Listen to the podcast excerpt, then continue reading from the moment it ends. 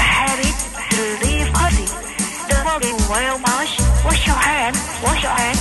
wash your hands. with syrup. Oh, oh, keep your distance and avoid